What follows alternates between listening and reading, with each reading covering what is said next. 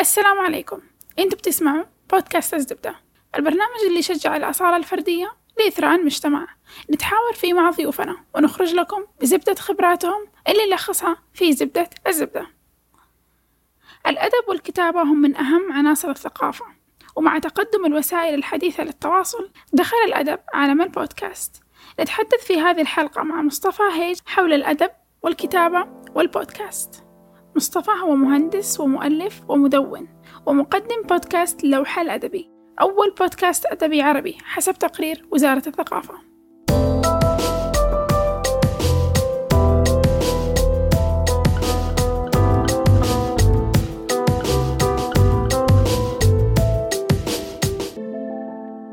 أهلا أنا فاطمة وهذه أول مرة أقابل ناس غير أهلي أو المستشفى من يناير أو ديسمبر.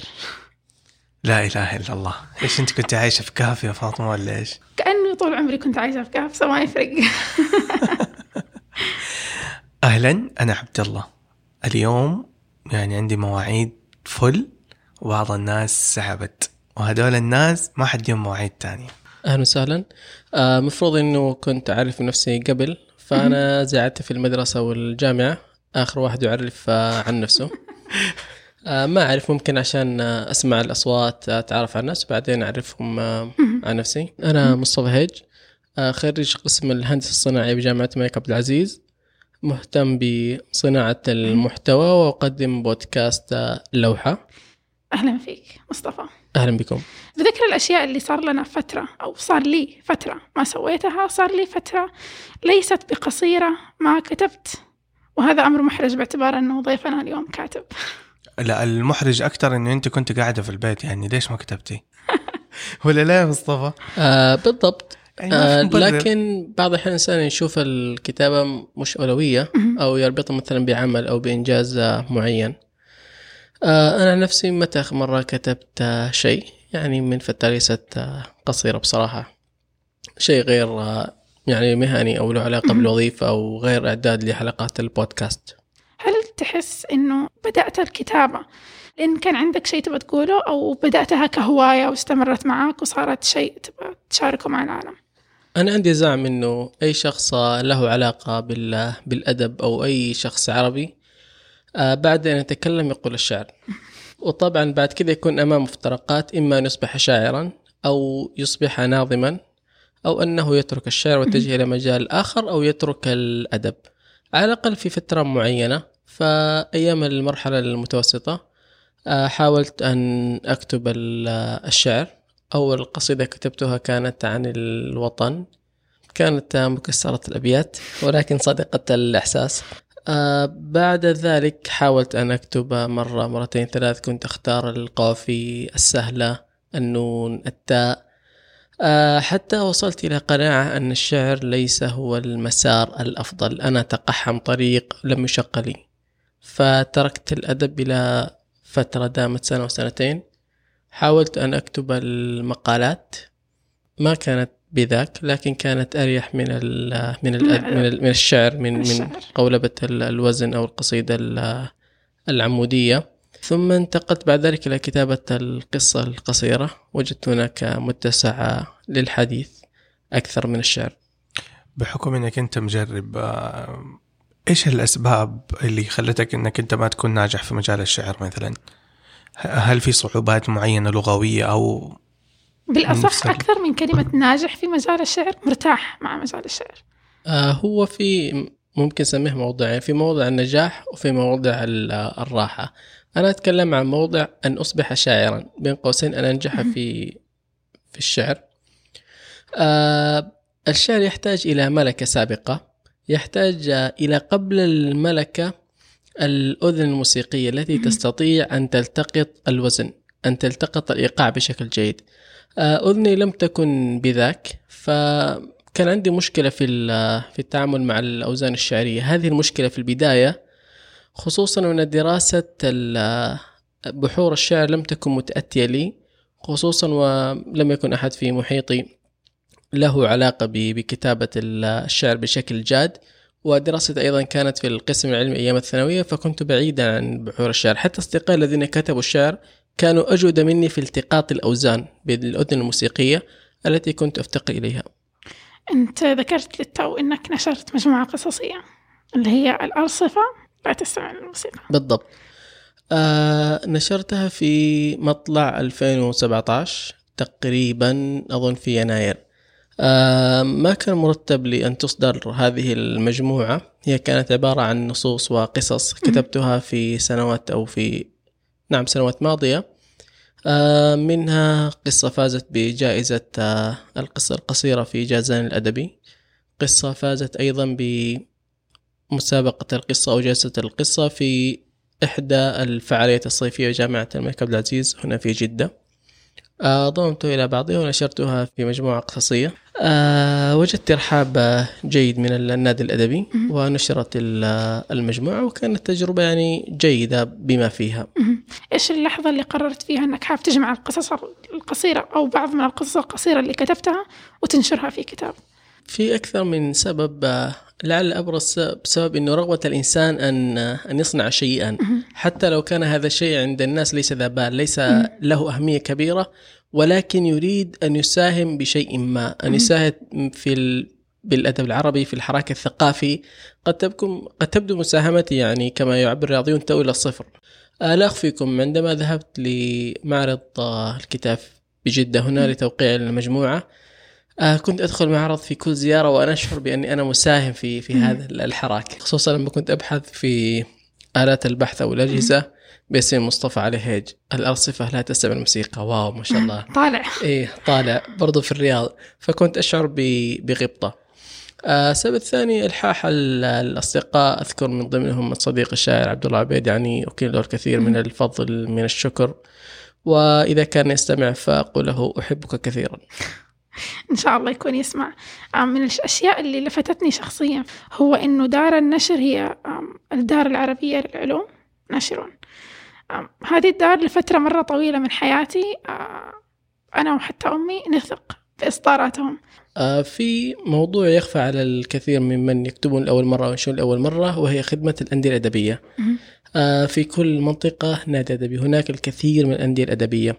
وكل نادي أدبي لديه شراكة مع دار نشر معروفة ممكن تكون محلية أو ممكن تكون عربية. زي انتشار عربي زي الدار العربي للعلوم الناشرون أظن زي المركز العربي. فالتواصل ابتداء يكون عبر النادي النادي لديه لجنة تقرأ نصوص لديه معايير. يجيز هذه المجموعة أو هذا الكتاب بعد ذلك يتحول مباشرة أو يحول مباشرة إلى الدار.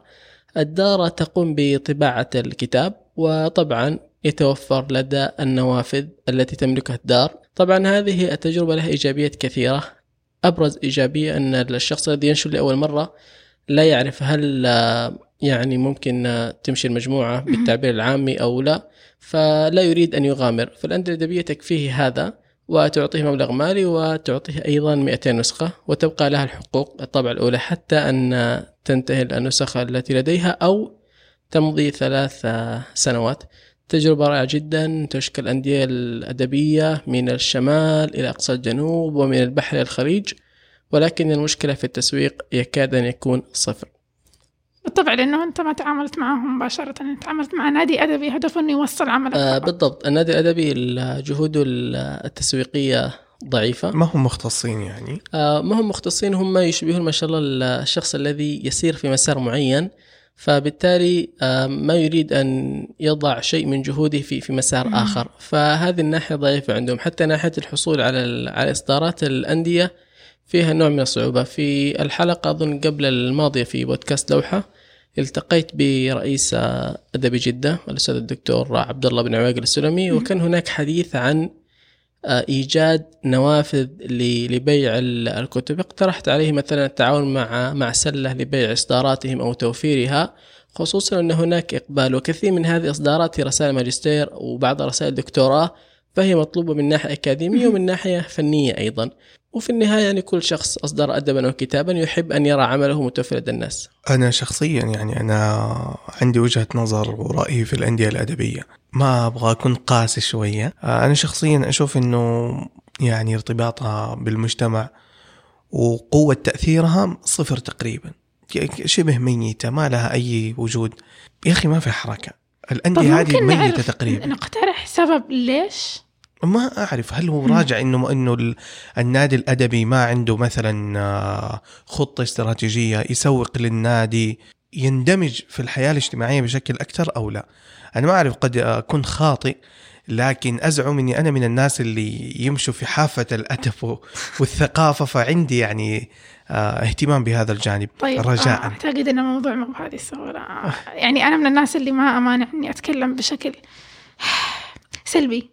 عن هذه ال- ال- الجوانب اللي جربتها كلها تقريبا لكن أعتقد برضو إن الموضوع ما هو بهذه السهولة لأنه يمكن لو تكلمنا عن نسبة إقبال العامة أساسا على هذا المجال يمكن ما يكون بذاك الزود. وهذا يأخذني لنقطة مرة مهمة.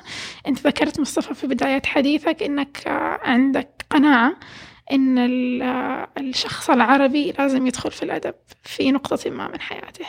آه صحيح إلى حد ما. قبل ذلك أريد العودة إلى الأندية الأدبية. تفضل.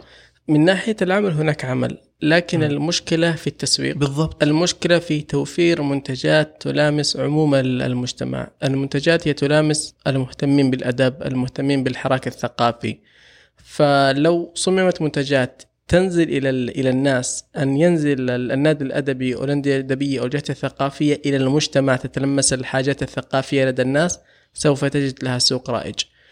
تقدم صراحة الأندية الأدبية جهود كثيرة. تقدم دورات أدبية تقدم ملتقيات تقدم خدمات طباعة. آه، توفر بعض المنشورات بأسعار مخفضة وبعضها مجانا. لكن المشكلة في في التسويق. فربما توليفة الأندية الأدبية التي يجتمع فيها الشاعر والناقد وال- والمثقف والأكاديمي وتخلو ممن لديه الحاسة التسويقية والتخصص التسويقي تخلو كذلك من الشاب الذي يجسر الاحتياج الثقافي من المجتمع ويرفعه إلى ال- إلى النادي. هل تعتقد أنه ممكن يكون سبب هذا الشيء هو أنه الحراك الثقافي عندنا ولو تكلمنا بالذات في السعودية جديد؟ بفكرة إنه الدعم حتى من وزارة الثقافة صار أكبر في الفترة هذه؟ آه لا ما أتوقع أنه شيء جديد لأنه الإنسان لو راجع إرهاصاته نشأة الأندية الأدبية نشأت يعني في عمر آه مبكر قبل عقود طويلة.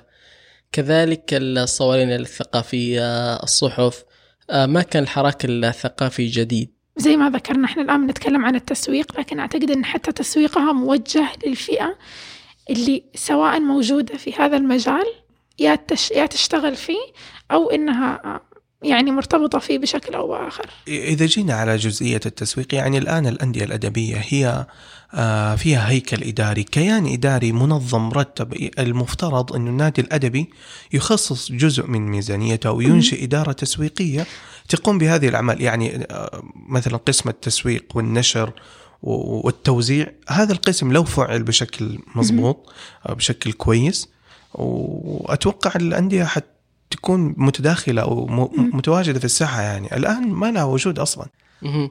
هناك يعني ربما بعض التحديات في في الأندية الأدبية لكن إنسان من باب ال- يعني يوسع الدائرة. هناك حراك ثقافي رائع جدا مثلا الحراك اللي تقدمه آه، إثراء آه، من منصات من آه، برامج شيء رائع جدا. ولكن يعني إلى الآن لو إنسان راجع قيمة الدورات المقدمة في كثير من الجهات يجد أنها برسوم بعضها قد تكون باهظة قليلا لكن يحمد للأندية الأدبية إلى الآن أن دوراتها مجانية. وهذا شيء يعني أو رائع. برسوم رمزية. آه ما في. بصراحة أنا الدورات التحقت بها ما كان فيها رسوم يعني رمزي أبدا. كانت صفر. لأنه آه ميزانيتها مدعومة هي. بما أننا بنتكلم الآن عن الأدب العربي ممكن أسألك مصطفى عن رأيك في الأدب العربي المعاصر؟ نتفق على نقطة قبل ذلك. أنا رأيي لا يعتد به في أي محافل. أقول اليوم وقد أتراجع عنه الآن أيضا. السؤال عريض جدا. قد يجيب الشخص حسب تموضعه فهل مثلا أنا أتموضع كافتراض كأكادي كأكاديمي؟ آه، مهتم مثلا بالنقد أو مهتم بنظرية ال- الأدب أو مهتم بالكتابة أو بالتذوق أو أنا آه، صاحب دار آه، نشر. آه بالضبط يعني هو حسب السياق اللي أنا فيه أو حسب تموضعي. لو مثلا أنت موضوعت مثلا كبودكاستر مهتم بال- بالكتابة سأجد أن هناك حراك أدبي حراك ثقافي كتابي رائع جدا. رغم ما تعانيه اللغة العربية أو يعانيه الشعوب العربية من مما يحدث لكن هناك يعني صعود جيد لل- للأدب. هل هذا الصعود هو الغاية؟ هل هناك أخطاء؟ هل هناك تشوهات؟ آه، قطعا لا يقول أحد بالمثالي لكن ال- الحالة رائعة جدا. بسبب ال- الرغبة بسبب ال- الدعم ال- الموجود هنا من جهات حكومية من آه، جهات آه، شبابية. آه، بس. السبب اللي خلاني أذكر السؤال هو آم، قبل ما نسجل الحلقة كنت أسمع بودكاست وكان الضيف فيه كاتب وكان يتحدث عن حال الأدب العربي المعاصر تحديدا. وكان يتكلم عن إنه متأثر بشكل كبير بالأدب الغربي تحديدا الأدب الإنجليزي لدرجة إنه ما صار له تفرد أو شكل. ما صارت في شخصية للأدب بالضبط. العربي يعني؟ نعم. وهذا شيء ما أعتقد أني بالضرورة أتفق معه باعتبار أنه على الأقل بالنسبة لي أنا لما أفكر بالأدب العربي المعاصر صراحة أنه يمكن يكون شيء سلبي ما أفكر بالإصدارات الشبابية الحديثة ما أفكر بال بالأشياء اللي الآن موجودة والمنتشرة على قدر ما أفكر بكتاب معاصرين من نوعية إبراهيم نصر الله آه، إبراهيم الكوني آه، محمود ياسين آه، وما إلى ذلك من الأشخاص اللي لهم وزنهم في عالم الأدب العربي المعاصر سواء من الناحية الشعرية أو من الناحية الأدبية. وهو بصراحة يعني ممكن أرجع للسؤال وأقول سألتين عظيم. آه، لكن مسألة أن الأدب العربي لا يشبه العرب. هل الأدب العربي هو الذي لا يشبه العرب فقط أم الحياة لا تشبه العرب؟ قبل الإجابة على هذا السؤال لو انتقلنا من مربع الأدب مهم. ومربع بشقيه أو ب- بأقسام ثلاثة بال- بالنثر والسرد وال- والشعر حسب تقسيم بعض النقاد أو بالتقسيم الكلاسيكي ال- النثر يقابل الشعر هل الحياة الآن تشبه الشخص العربي؟ نحن نتبنى النموذج الغربي بكامل تجلياته يعني مثلا قصدك في الحياة اليومية أيوة وكل بالضبط شيء. في الحياة اليومية مثلا تبني أن ال- الإنسان ال- العربي اليوم في أي مكان تتمحور حياته حول حول العمل حول الوظيفة يعرف نفسه بالوظيفة. هل كانت الحياة قبل ذلك حياة الشخص العربي قبل 300 200 سنة أقل أكثر منسوجة أو مرسومة حول حول الدور الوظيفي؟ آه كذلك آه مثل مساحات الحياة في الترفيه في في في, في التعاطي الأفكار في الدراسة. يجد أن الحياة أصلا يعني بمنتجاتها الحالية ليست منتجات عربية. فبالتالي من الطبيعي جدا أن يتأثر ال- الأدب العربي. وليس هناك إشكال مثلا إن تأثر مثلا بالأدب الإنجليزي أو الفرنسي أو الألماني. اقتبس عدل حسن طور. كثير من ال- الآداب الأخرى يعني تتلاقح ويحدث نوع من التغيير. لكن إذا أردنا أن نجعل للأدب العربي يعني سمة خاصة وملامح خاصة أنت كأنك يعني تنتزع هذا الأدب من أصحابه. يا أخي خلي لأصحابه هوية خاصة. بعد ذلك تحدث. قد تكون معلومتي غير صحيحة لكن لو فكرنا بالأدب مو من الناحية الشعرية لكن من الناحية من ناحية الرواية. العرب كتبوا الرواية في وقت متأخر عن بقية شعوب العالم اللي بدأت بكتابة الرواية. لذلك لو تحدثنا عن تأثر ال- الرواية العربية بنماذج أخرى سواء كانت نماذج شرقية أقصى شرقية أو نماذج غربية أعتقد أن هذا شيء طبيعي. بالنسبة للعرب الكتابة نفسها جت متأخرة سواء كانت كتابة شعر أو كتابة غير. كان سابقا كله لفظي وكنا نعتمد على القصة. اللي هي تناقل القصص أكثر من كتابتها لذلك الأسلوب الكتابي اللي أعتقد أنه ممكن نقول أنه تأثر شيء آه، يعني لا يمكن أن نخرج منه طبيعي يصير باعتبار أن إحنا أساسا بدأنا متأخر. آه ما أعرف يعني هل بدأنا متأخر؟ يعني هل هذا الكلام صحيح مطلقا؟ آه لا أظن. آه مسألة التأثر ومسألة ال- الرواية. طبعا الرواية في عمومها ليست قالبا عربيا. بالنسبة لي لا إشكال في هذا يعني مثلا لو أخذ مثلا قالب القصة بشروطها الفنية ليست قالبا عربيا في. الأصل كذلك ما يعرف بالقصيدة النثر ليست قالبا عربيا فلو أن الشخص يتطور آه، عقلا وفكرا فبالتالي سوف يتطور أدبا أو يتغير. هل هذا التطور إلى الأفضل أو إلى الأدنى؟ هنا مجال للخلاف. لكن تطور الجنس الأدبي تطور أساليب الكتابة تطور طرقها يجب أن يحدث. ليه؟ لأنه لو قلنا بأن الأدب هو انعكاس فبالتالي حياة الناس مالها تطورت. ولو قلنا أيضا بأن الأدب هو محاكاة فحياة الناس تتغير فيجب أن تتغير ال- هذه المحاكاة والأدب. من سؤالك يا فاطمة أستشف أو يتبادر إلى ذهني أن الواقع ال- أو واقع الأدب العربي كان بشكل جيد. كان في وضع أفضل مما هو عليه الآن. تمام؟ لو جينا وسألنا ما هي الأسباب التي أدت إلى آه، أن يصبح واقع الأدب العربي فيما هو عليه الآن؟ هو ال- السؤال هذا يعني يستبطن مقدمة ال- الوضع كان أفضل الوضع كان أسوأ. وهنا نستدعي هذا السؤال هل هناك معايير حاضرة الآن لكي تقول من خلالها أن الأدب هذا أفضل أو الأدب آه، هذا أسوأ؟ آه في تقديري لا. يعني في النهاية ير- يعود لاحظ يا مصطفى إنه إحنا بنتكلم عن الواقع وتعاطي المجتمع مع الأدب بشكل عام وتواجد الأدب آه، في حياة الفرد تمام؟ سابقا وحاليا. يعني أنتم تحسوا في فرق ولا ما في؟ هو طريقة حضور الأدب في حياة الإنسان أو في حياة الشخص الآن هل يحضر مثل الأدب في حياته كقصيدة آه، يحضر في حياته مثلا كحكمة. الآن يحضر الأدب مثلا في قصة يحضر الأدب بطريقة أو بأخرى في فيلم آه، في مسرحية في رواية. ما زال يحضر ولكن طريقة الحضور اختلفت. فمثلا لو لو سألتك مثلا الآن أو سألت أي شخص مثلا هل تحفظ مثلا إحدى مثلا قصائد مثلا المتنبي؟ قد يجيب لا. لكن مثلا هل قرأت مثلا الرواية الفلانية سواء رواية مثلا مترجمة أو غير مترجمة؟ سيقول قرأتها. نعم.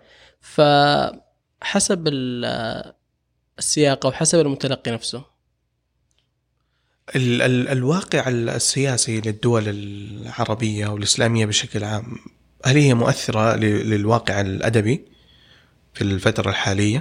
يعني مثلا يعني عندي معتقد إنه كل ما كنت أنت آه، مطمئن من جانب معين الاطمئنان هذا يؤدي إلى إنك تكون مبدع في جانب آخر.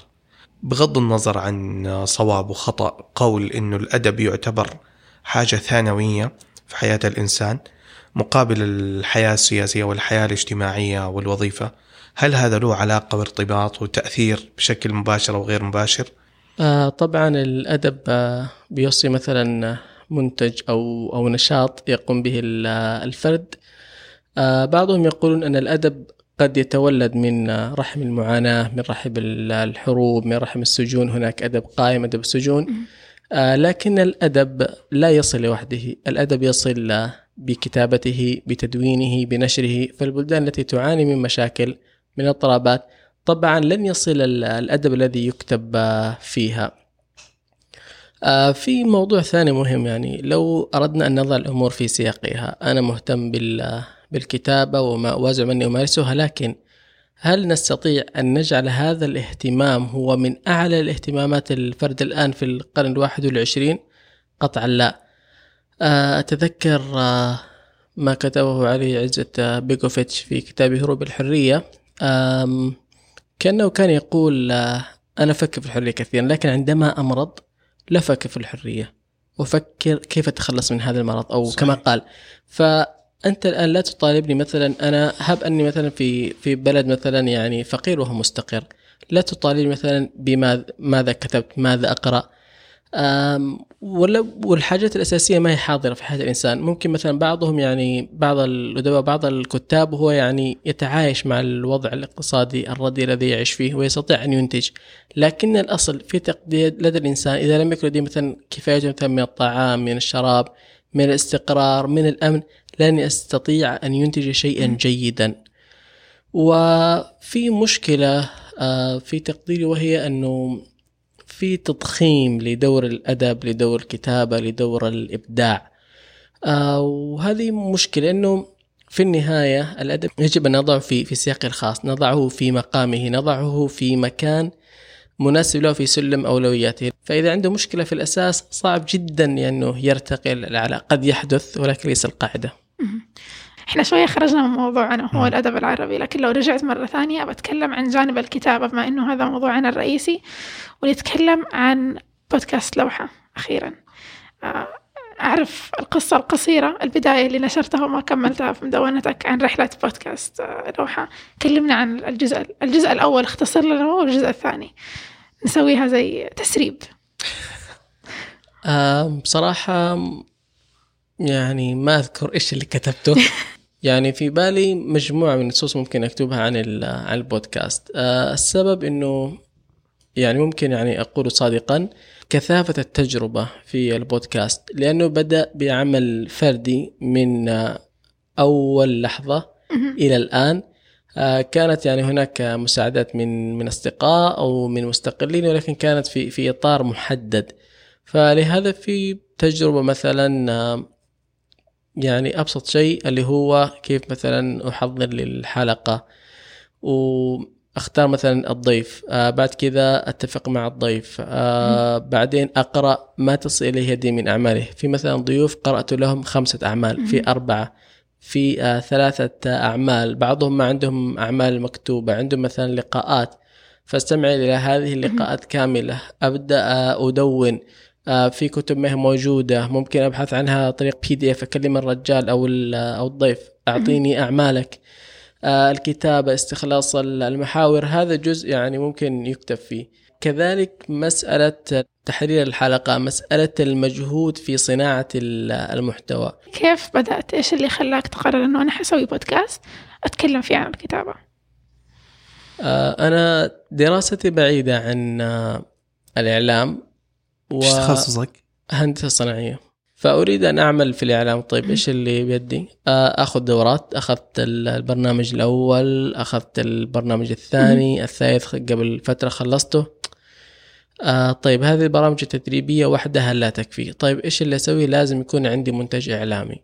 فكان الهدف هو اليوتيوب. أتكلم عن قبل سنتين تقريبا. آه خبرتي في التصوير آه آنذاك صفر. الآن أكبر من الصفر بشوي. كذلك التعامل مع برامج ال- المونتاج و... فوجدت بأنه في, في جهد كبير. فقبل سنتين تقريبا 2018 كان البودكاست آه، عربيا يعني معروف آه، لدى قطاعات محددة. حتى لما سويت بحث آه، في تلك الأيام كانت البودكاستات العربية فعلا فعلا فعلا محدودة. فالسوق يعني كان فاضي. آه بالضبط. كان في البدء من البودكاست حيوفر علي جهود كثيرة. من ضمن هذه ال- الجهود اللي راح أوفرها ما حيكون عندي تسجيل آه فيديو تصوير. كذلك سوق آه، جديدة. فبدأت عن طريق البودكاست. وصراحة يعني أول شخص كان اللي هو منسق البرنامج أو مدير البرنامج. فقدمت فكرة إنه كان في اللي هو هوم إنه كل واحد يسوي فكرة برنامج فقال لي إيش رأيك تسوي بودكاست طبعا آه، وقتها هذا ذكرته في ال- في المقالة. إنه ما كنت يعني أعرف إيش هو البودكاست فبصراحة يعني ما هانت على نفسي أقول إيش بودكاست. قلت إن شاء الله أشوف. آه ونسيت الموضوع. إلين أحد الأصدقاء أرسل رابط لإحدى حلقات ال- البودكاست. وبعدين أبغى أفتح الرابط يعطيني اللي هو ال- يوديني متجر. تسجيل. وتحمل التطبيق. أيوه مو موجود عندي. أنا ذاكرت الجوال كانت صغيره ما أعرف شو هو. حذفته. فأوكي احمل مرة ثانية برنامج فكنت أستمع إلى ال- إلى الحلقة هذه وأنا أمشي في في رمضان آه في الحي عندنا.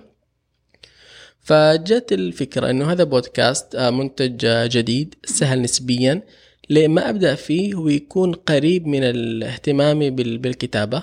في تلك المرحلة كان في عمل على مشروع كتابي وكذا فما تم هذا ال- المشروع بسبب تشظي الفريق.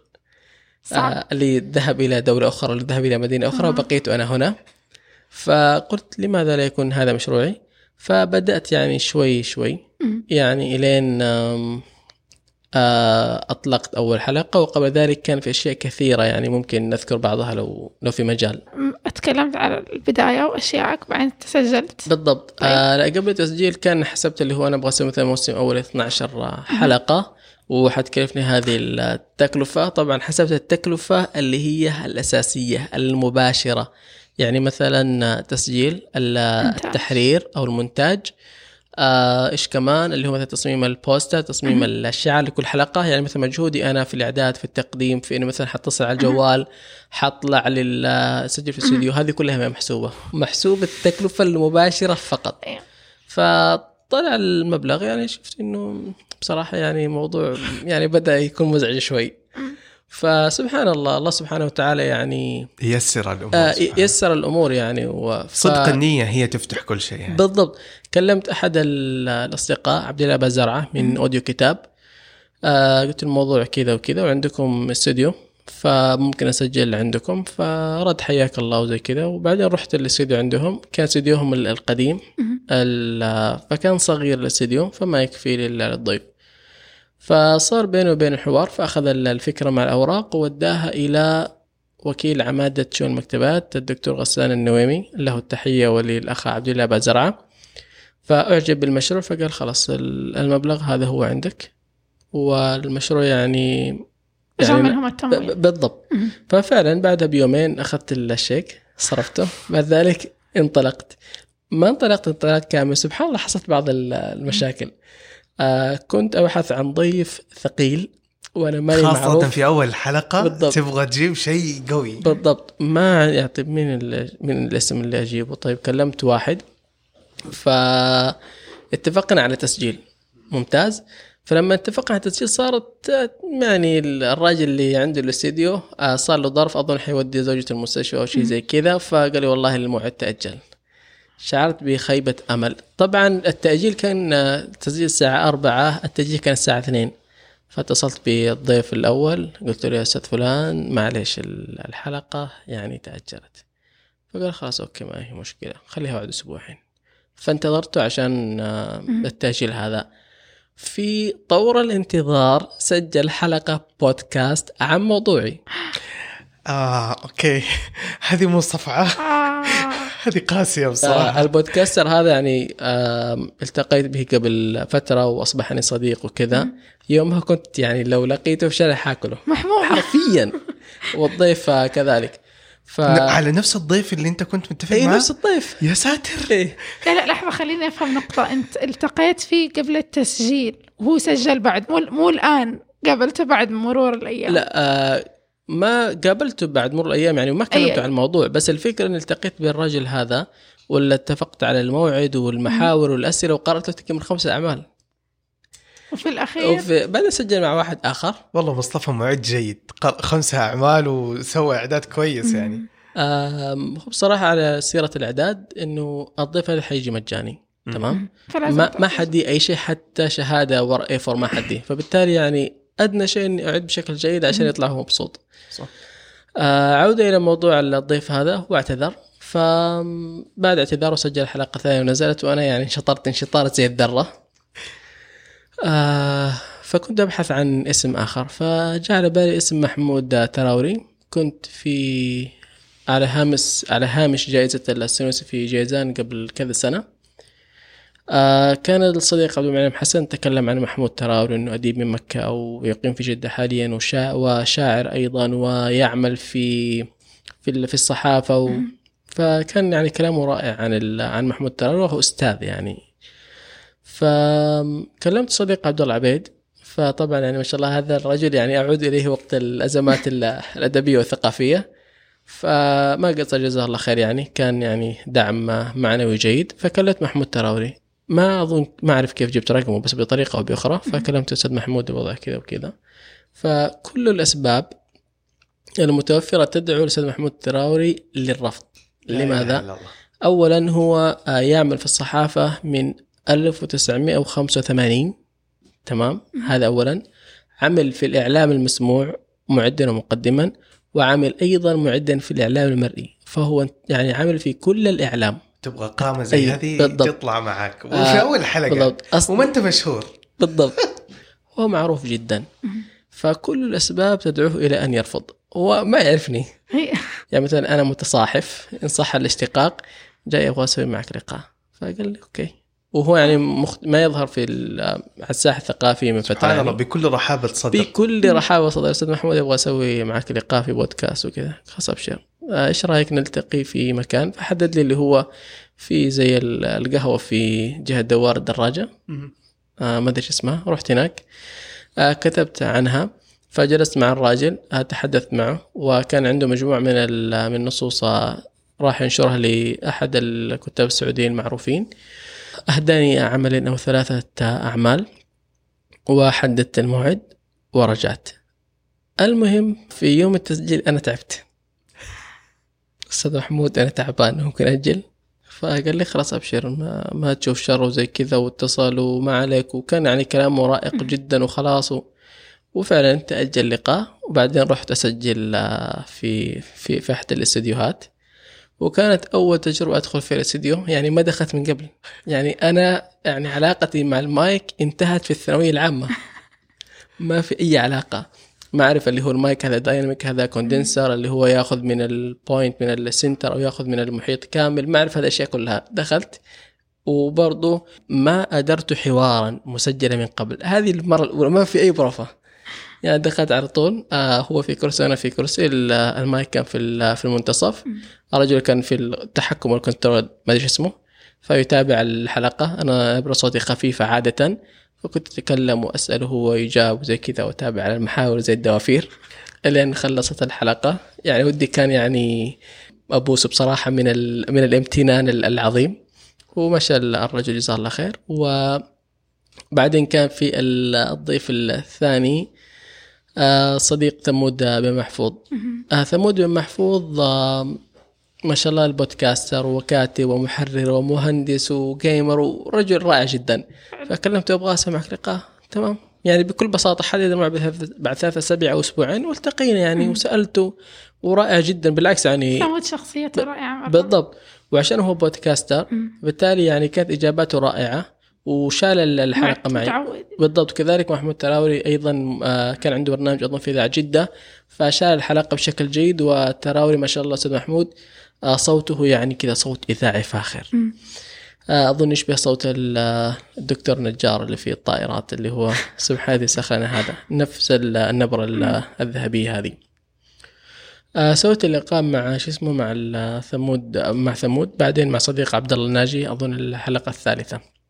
بعدين مع الصديق والاستاذ طاهر الزهراني. فكان عندي أربع حلقات. طيب إيش الخطوة الثانية؟ الخطوة الثانية نحررها طبعا أنا عندي لازمه كنت أقول آآ آآ في تقديري إنه المونتاج أو التحرير الصوتي عنده عبقرية. فبالتالي تأشر على ال على الآ وتشيلها فبالتالي كان في بين كل كلمة وكلمة آ آ. يا الله. فكنت أستمع إلى الحلقة كاملة. وعندي جدول ممكن من أربع خمس صفحات.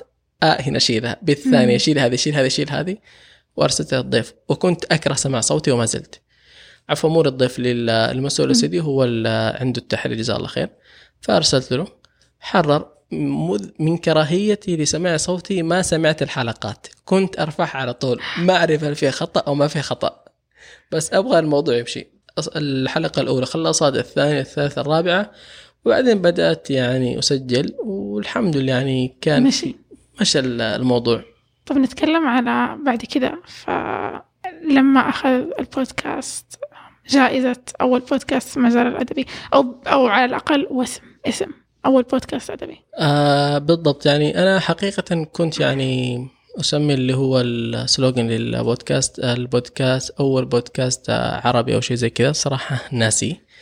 فما كنت يعني أنا شفت الساحة ما فيها أحد. فكنت يعني أظن هذا الظن بنسبة 80% بس ممكن يكون في بودكاست متخبي تحت الطاولة ما أنا شايفه. فلما جت الإشادة بأنه من ال- آه، من تقرير الحاله الثقافيه صادر من وزارة الثقافة والإعلام ما كنت أعرف عن الموضوع هذا ابدا. ما تواصلوا معك لا ما تواصلوا معي. ما كنت أعرف عنه أي شيء. بعدين الصديق حمزة كشغري أرسل لي الرابط. مو الرابط اللي هو screenshot أيوة. بالضبط. ما كنت أعرف.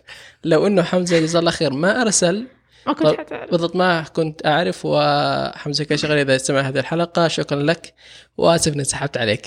كان ممكن نلت... كان حنلتقي بس صار ظرف. صراحة لما لما جيت كلمتني أول مرة وقلت لي في معرض الكتاب الفلاني ذاك المعرض نفسه كنت مشاركة فيه في بوث لكن لو قلنا الآن بعد ما بدأت البودكاست ماشي فيه أعتقد أنك الآن موقف هذه الفترة؟ آه لا. هذه الفترة مستمرة التوقف كان في بعد الحلقة الثامنة عشر مع صديق محمد عبد الجبار. توقفت كذا شهر وبعدين حق سو... رابطة الكتاب. آه أيوه. بالضبط ما شاء الله. ذاكرين لا أنا عارفه شخصيا عشان كذا. ما شاء الله. كنت أسمع البودكاست صراحة فخور بسماعك. بعدين آه، سجلت مع الدكتور عادل النعمي ودخلت كورونا. والبودكاست توقف فترة طويلة. هذا كان أكبر توقف يعني كان من أبريل إلين أظن شهر سبعة. الآن بعد ما بدأت أرجع لسؤالي. رأيك بالأدب آه، بتأثير البودكاست على الأدب الآن؟ آه، تأثير البودكاست على الأدب آه، ما عندي بصراحة إجابة على تأثيره على الأدب لكن أنا أزعم بأنه البودكاست كوسيلة دورها أن تقرب. مو تسهل سواء من ناحية ال- الأداب من ناحية العلوم من ناحية المعارف دورها أن تقرب. أن تنقل تجربة الكاتب يعني من من ندوة ثقافية في صالون مغلق أو في صاله مغلقة إلى المتلقين عبر الأثير أو عبر البودكاست. هذا أكبر دور. لو استطعنا أن نقسم مثلا الثقافة إلى إلى عدد مستويات مثلا المستوى الأول منتجي ال- الأفكار والمستوى الثاني اللي هو الباحثين في الأفكار ومشتغلين بالكتابة فيها. سنجد من البودكاست دوره بأنه ينقل الأفكار من المستوى من الطبقة الثانية المستوى الثاني إلى إلى عموم ال- المتلقين. وهذه أفضل خدمة ممكن يمارسها البودكاست لأنه هو في النهاية منصة صوتية خفيفة. فمن الملاحظات اللي كانت تجيني في بدايات الحلقات يقولوا الحلقة يعني ثقيلة شوي فبالتالي لازم تكون أخف لازم قيل تكون- طولا أو محتوى يعني. آه يعني المحتوى مش مناسب للبودكاست.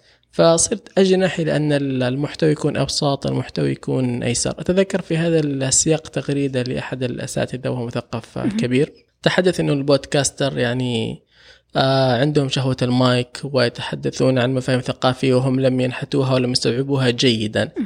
بصراحة يعني عندي اللي هو التعليق. في النهاية هل دور البودكاست إنه يعني يعطيك هذا المفهوم الثقافي كما هو يعني أو يعطيك شيء على مستواك أو أنه يقرب لك شيء مناسب لمنصة للبودكاست؟ كذلك أي منتج والبودكاست هو منتج في شريحة مستهدفة. أنا اضع الشريحة هذه.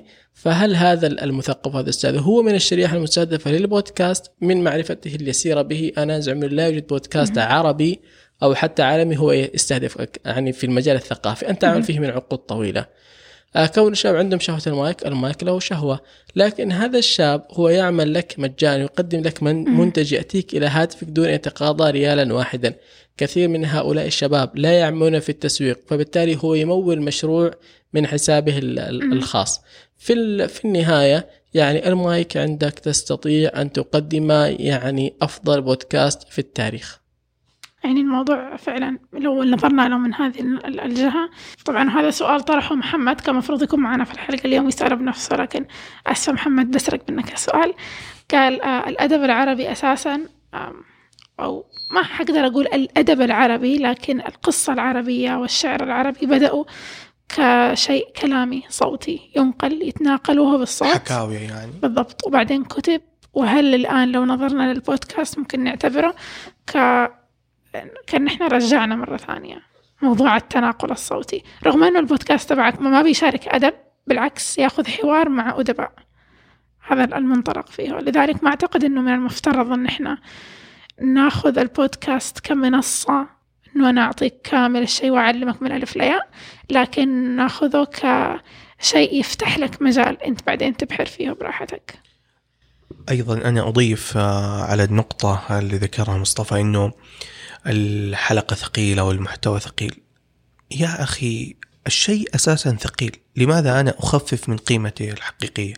يعني بعض الأشياء يعني الآن إحنا بنعيش موجة آه، التبسيط والتخفيف. لا والله الناس ما تستوعب. خلينا نقصر نزيد نبسط. أنا ضد هذا الشيء.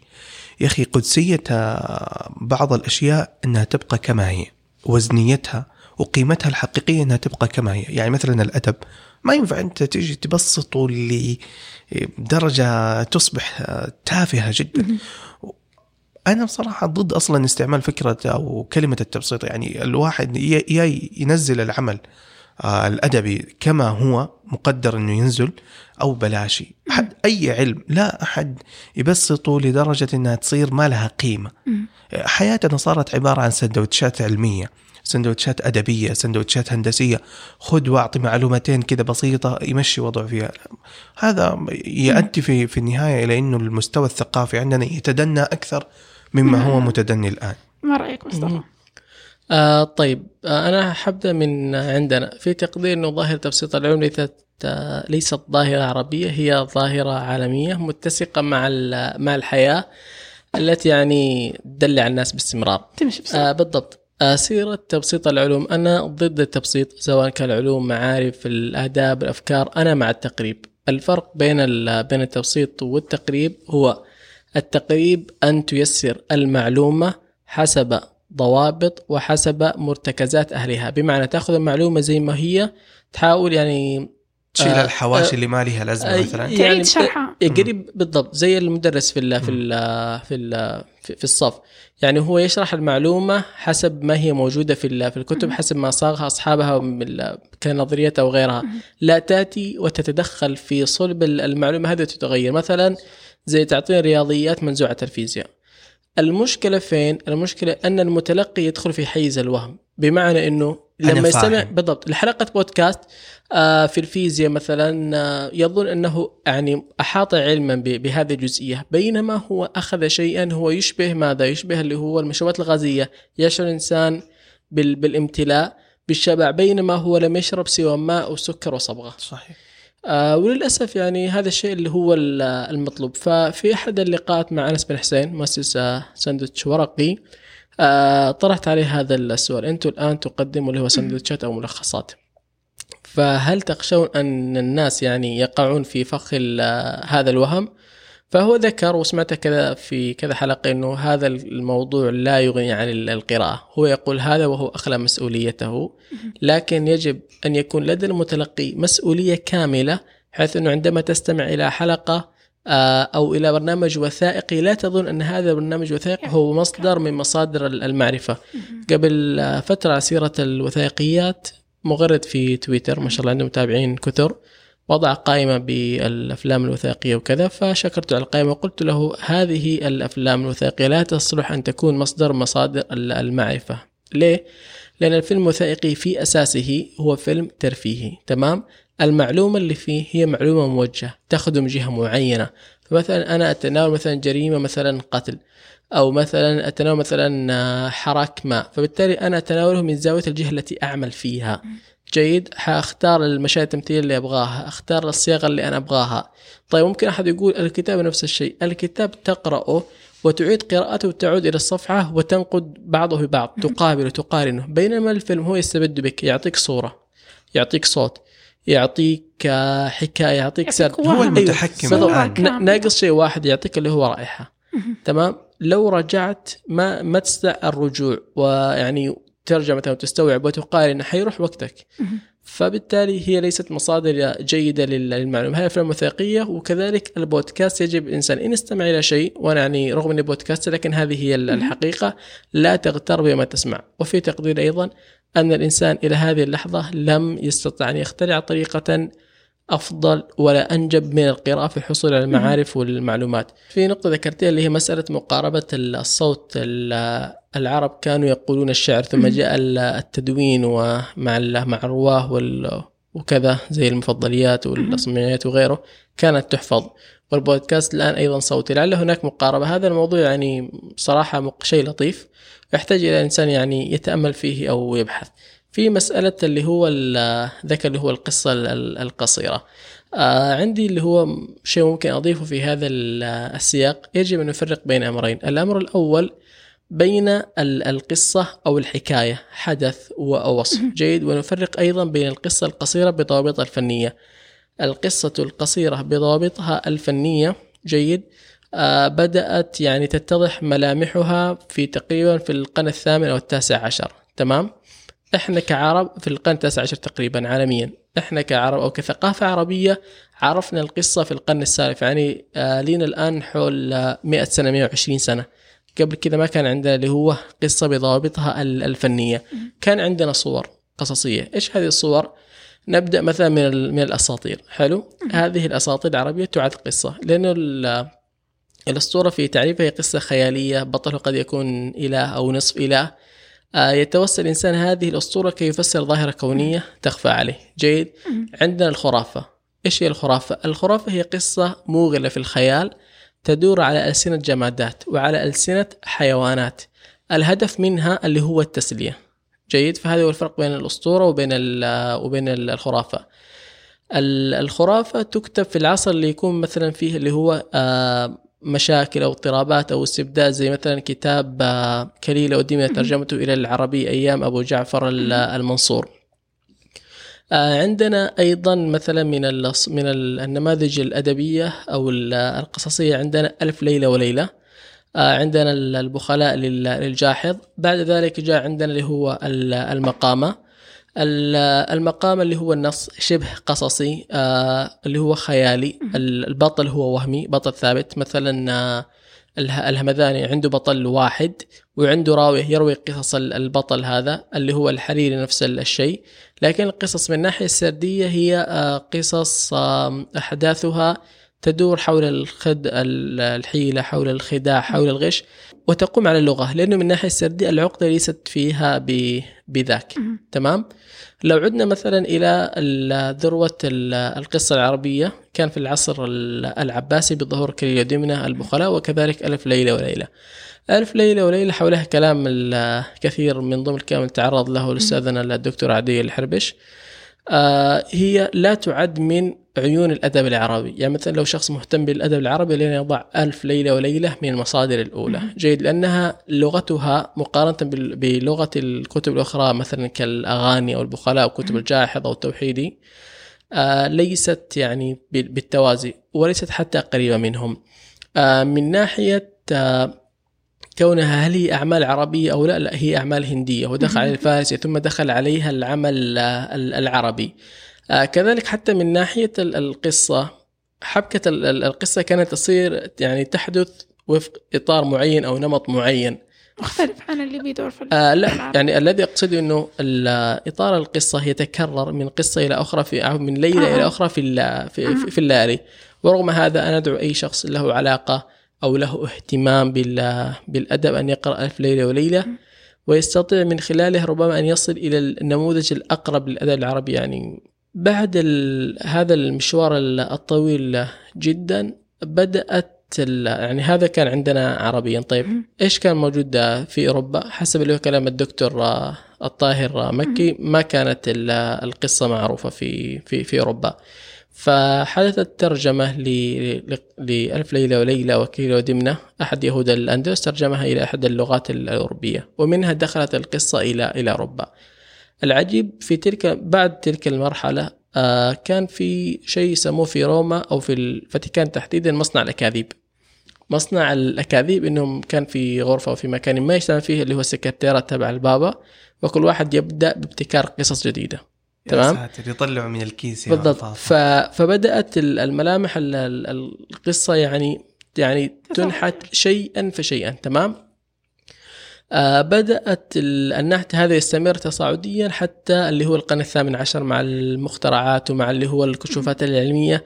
بدأ قيمة الأدب قيمة الفنون يعني تخفت وتظهر قيمة ال- الجانب ال- العلم التجريبي. استمر هذا ال- الكلام إلى القرن الثامن عشر.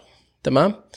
في تلك المرحلة بدأ يظهر اللي هو صاحب المعطف آه، جوجل بكتاباته. وبدأ آه، حياته كشاعر فشل في الشعر ثم في التمثيل ففشل في في التمثيل فبدأ يكتب القصة. أول ما كتب آه، كان يكتب قصص رومانسية متأثر بال- برومانسية الألمان. بعدين بدأ ينحى ناحية القصص ال- الاجتماعية. في تلك الفترة كان في موبسان في في أمريكا في فرنسا كان في في أمريكا في إدغار ألمبو كتبوا له قصص جيدة. ساهموا في صياغة اللي هو نموذج القصة القصيرة. بعدين ظهر اللي هو تشيكوف. كان يعني رائد ال- القصة بشكل كبير. مع تشيكوف تقريبا إنه ملامح القصة اكتملت. تمام. طيب عربيا. عربيا إيش اللي صار؟ اللي صار إلين ال- ال- القرن الماضي ما كان في قصة بأطورها الفنية الحالية. فكان في مصر في اتجاهين أدبيين مختلفة كان في الاتجاه اللي هو الجديد وفي اتجاه التقليد أو الكلاسيكي. الجديد من رواده إبراهيم لطفي السيد وغيره القديم المازني وال- والعقاد. فكان من الاتجاه الجديد آه، محمد تيمور كان من أسرة ميسورة بتعطي دراسة الطب في ألمانيا. فلما درس ال- ما درس الطب درس قانون وكان يحضر مسارح ويقرا كثيرا في ال- في الأدب هناك عاد وعنده اللي هو شغف في كتابة القصة فكتب أول قصة عربية تمام؟ وتوفي بعد ذلك في 1921 جمعت آثاره وطبعت في في كتاب اللي هو اسمه ما ما تراه العيون. فبالتالي بدأت القصة تقريبا تظهر عربيا في 1921 يعني أو قبل ذلك حول 100 سنة تقريبا. بس يعني في القرن الماضي. بالضبط. بس قبل ما آه، ننتقل لفقرة الزبدة حابة أسألك عن بودكاست لوحة. إيش مستقبل بودكاست لوحة؟ إلى أين تبغى توصل بودكاست لوحة؟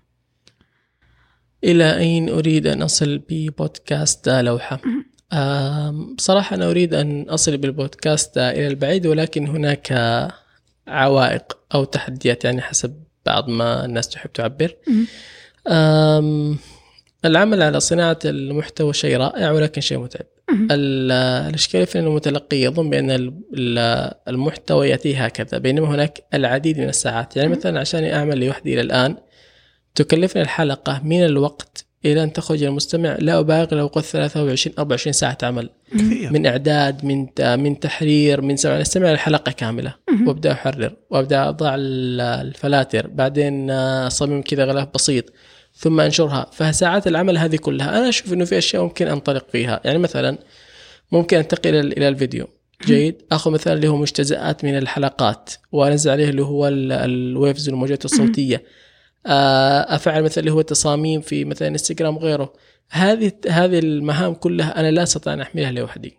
فلهذا يعني اللي أسوي له إني امشي البودكاست بالجهود ال- اللي تقدر عليها. بالضبط. فعلا. والله يوفقك. ماذا عن مشاريعك الأدبية؟ في مشاريع أدبية تعمل عليها؟ أعمل على رواية. بداتها في أيام الحظر. آه ووصلت يعني فيها. في ذيك الأيام الناس ما كتبت شيء يعني بعض الناس. آه هو رجاء لا تدقني بالكلام. هو اللي صار إنه أنا أهلي طبعا مو في جدة. فأنا كنت في جدة لوحدي أو أنا وصديقي. فالعمل كان اونلاين كان رمضان. ما أقدر أسافر. فما. يعني فبالتالي ما كنت أسوي شيء غير إني أستمع لي اللي هو كتب صوتية. أحاول أكتب وأحاول أن أصنع ما أستطيع من اجواء رمضان ننتظر بإذن الله وإن شاء الله جرير رجاء لو تسمعوا أحد من جرير وفروا كتاب الأرصفة لا تستمع إلى الموسيقى ورجاء إذا في أحد من الأندية الأ- الأدبية يسمع تبنوا مشاريع. البودكاستات العربية أنا يعني مهتمة بالقصص أكثر من الروايات. هو هذه يعني مشاريع جاهزة والشباب جاهزين ادعموهم وتبنوا مشاريعهم. وحتشوفوا خير وانديتكم حتتطور وتندمج في المجتمع أكثر. بندعي لكم. ننتقل الآن لفقرة الزبدة. نبدأ بعبد الله. عبد الله إيش زبدتك من الحلقة؟ والله الأدب عظيم وفخم. فلا حد آه، ينزله من مكانته. خلوه الأدب زي ما هو كده فوق والناس تطلع له. فيها لذة لما تتسلق وتوصل توصل. لشيء فوق لا حد ينزل لك حاجة مصطفى ماذا عنك؟ ما زبدتك من الحلقة؟ طيب بداية أبدأ بال- بالمحيط ما شاء الله يعني أنتم لا ترون استديو ما شاء الله شيء مرة فخم حاملات المايكات المايكات ما شاء الله السماعات آه، الإضاءة البراندلي مستدفر ال- الروح الجميلة لل... لل... لمن استضافني هنا آه، سعيد جدا آه، خلاصتي بصراحة أنه أقول لكم استمع الحلقة كاملة. يعني شيء ما أستطيع أن أجيزه في كلمات. يعطيك العافية على الحلقة. سعدنا. فيك جدا والله. وأنا بالنسبة لي لأنه صار لي فترة طويلة ما يعني ما سجلت. لذلك. مو مضيع يا أخي ماني قادرة أجمع. لأنه فعلا آخر مرة كنت فيها في حلقة للزبدة كانت من أكثر من سنتين. مرة وقت طويل وهنا نوصل. لختام الحلقة. مصطفى لو أي أحد حاب يتواصل معاك أو يأخذ عنك معلومات زيادة فين يقدر يلاقيك؟ آه، أتشرف بالجميع في تويتر في تليجرام في الإيميل اللي هو at هيج ماست وهذه عناويني في كل وسائل التواصل الاجتماعي. وأتشرف آه، بالجميع. تمام. وعبد الله فين الناس يقدروا يلاقوك؟ إيش يبغوا مني؟ يمكن يبغوا يكلموك. طيب آية عبد الله آه 38 17 في تويتر موجود في سناب شات موجود في الواتساب موجود في التليجرام موجود في كل مكان موجود. وأنا تلاقوني في كل مكان على at fat that ma F A T T H A T M A